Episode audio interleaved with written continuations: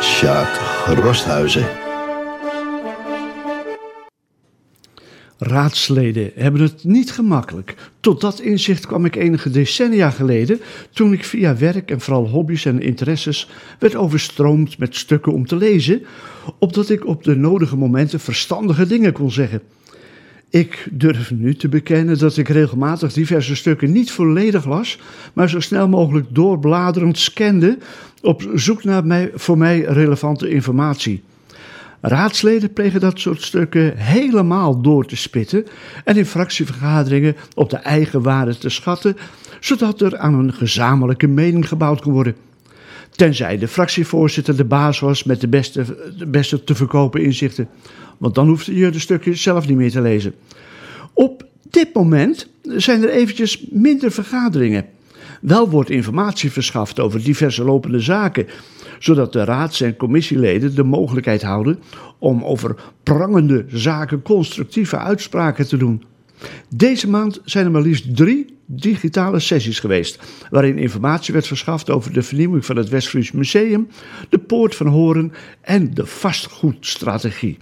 Drie onderwerpen die bij mij een nauwelijks te beschrijven nieuwsgierigheid opwekken over wat de veertien fracties hierover te bedden zullen brengen wanneer er besluiten moeten worden genomen. Maar de leestrek kan nog even niet gestild worden. Ik zal me tevreden moeten stellen met de wetenschap dat daar door onze volksvertegenwoordigers al wel over wordt nagedacht. Wanneer raadstukken lezen er even niet in zit, is er tijd voor andere leeskost.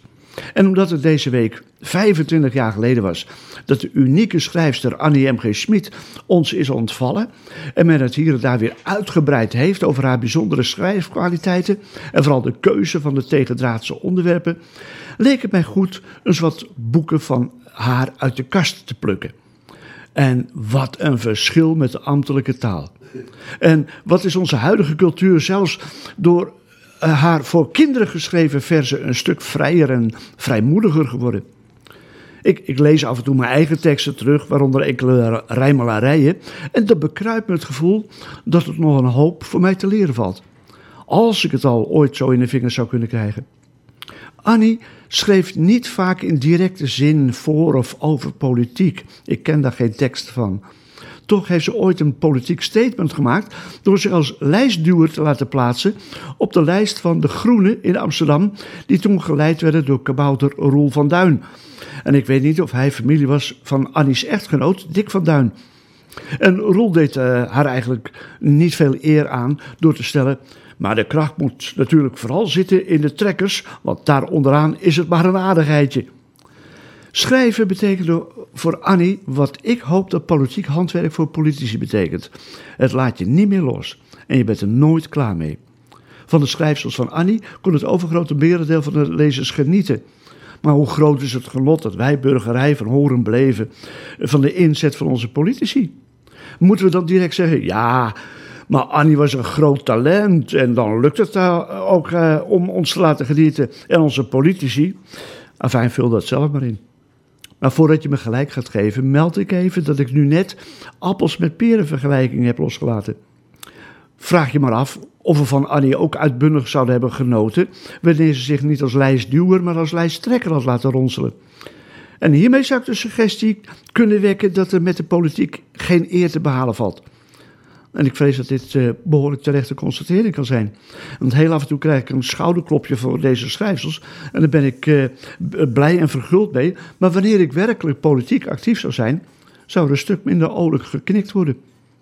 Gelukkig hebben in onze raad een paar mensen, niet eens een handvol, naar wie het leuk luisteren is.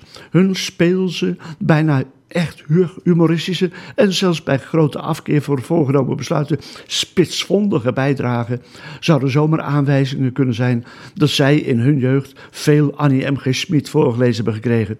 En daarom een tip voor de rest van de raad: haal nu eens wat vaker Annie van de plank.